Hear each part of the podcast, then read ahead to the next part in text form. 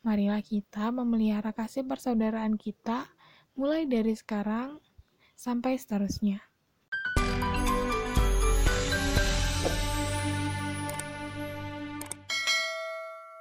Shalom teman-teman Aposo.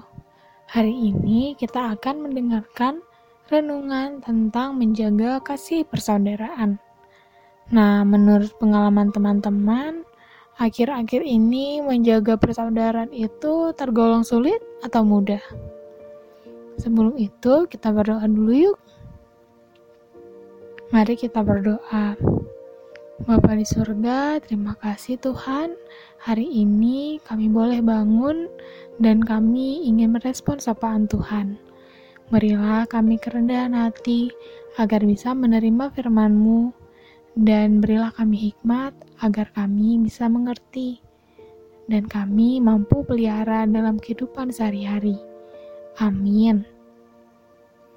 Teman-teman Apuso, sebagai anak Tuhan, kita sudah seharusnya memiliki hati yang penuh kasih terhadap saudara kita, karena itu merupakan perintah yang disampaikan langsung oleh Tuhan kita Yesus Kristus. Kita bisa baca di dalam 1 Yohanes 4 ayat 19 sampai 21. Yuk kita baca bersama-sama. Jikalau seseorang berkata, Aku mengasihi Allah, dan ia membenci saudaranya, maka ia adalah pendusta. Karena barang siapa tidak mengasihi saudaranya yang dilihatnya, tidak mungkin mengasihi Allah yang tidak dilihatnya. Dan perintah ini kita terima dari dia. Barang siapa mengasihi Allah, ia harus juga mengasihi saudaranya. Teman-teman Aposo, Apakah kita pernah merenungkan mengapa menjaga kasih persaudaraan itu begitu sulit? Apa sih yang mendasari hal tersebut? Nah, saya mau mengajak teman-teman untuk sama-sama merenungkannya. Bahwa ada beberapa hal yang mendasarinya. Yaitu yang pertama, mempunyai mentalitas independen.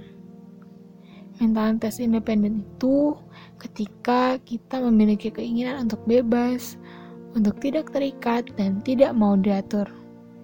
Nah, mentalitas ini berdampak pada poin kedua, yaitu individualis, di mana kita menjadi berpusat pada diri sendiri, kita bangun isolasi sosial, dan merasa hidup kita cukup hanya tentang diri kita sendiri.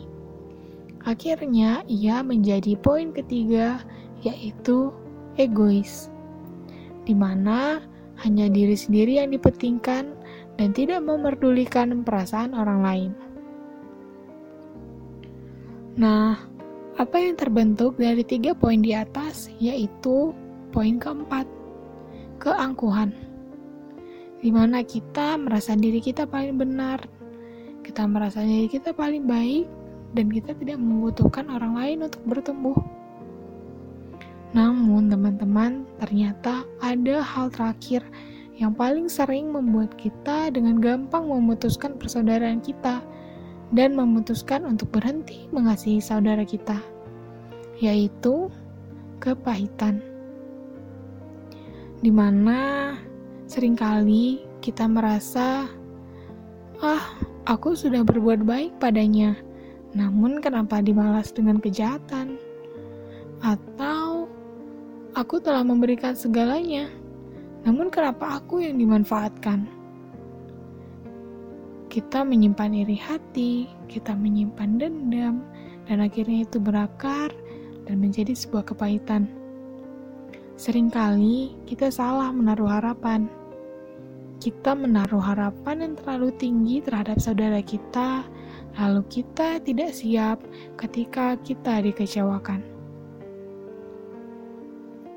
Teman-teman Aposo yang dikasih Tuhan, dalam Ibrani 13 ayat 1 dikatakan, peliharalah kasih persaudaraan. Dari ayat tersebut, kita memahami bahwa memelihara kasih persaudaraan merupakan hal yang penting. Ketika kita menjaga kasih persaudaraan, secara tidak langsung kita menjaga diri kita dari dosa. Seperti yang tertulis dalam kitab 1 Petrus 4 ayat 8.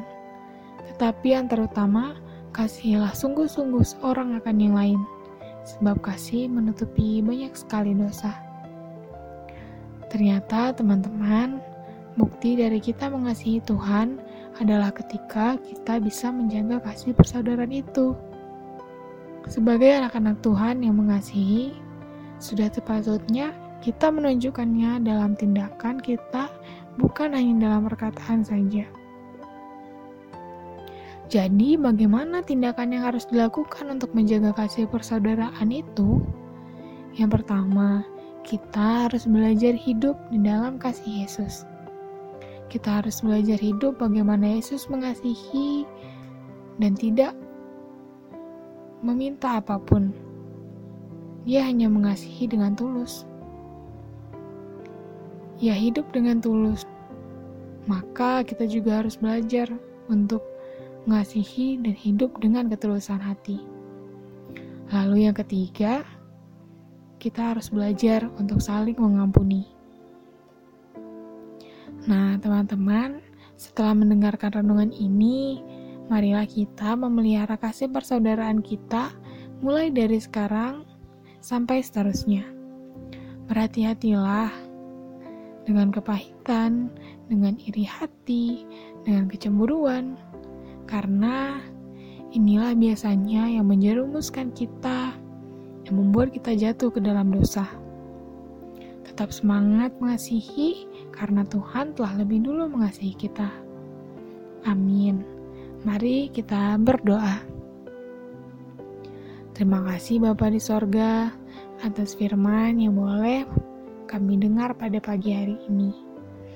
Benar Tuhan, hari-hari terbelakang semakin banyak hal-hal yang memicu perpecahan antara kami anak-anak Tuhan.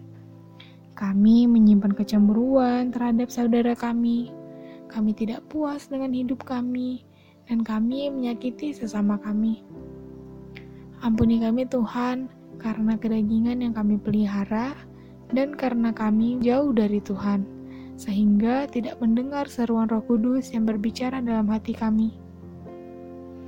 Ampuni kami Tuhan dan beri kami kasih dan ketulusan hati yang berasal dari Tuhan untuk selalu diajari mengampuni, mengampuni, dan mengampuni lebih dalam lagi setiap harinya. Amin.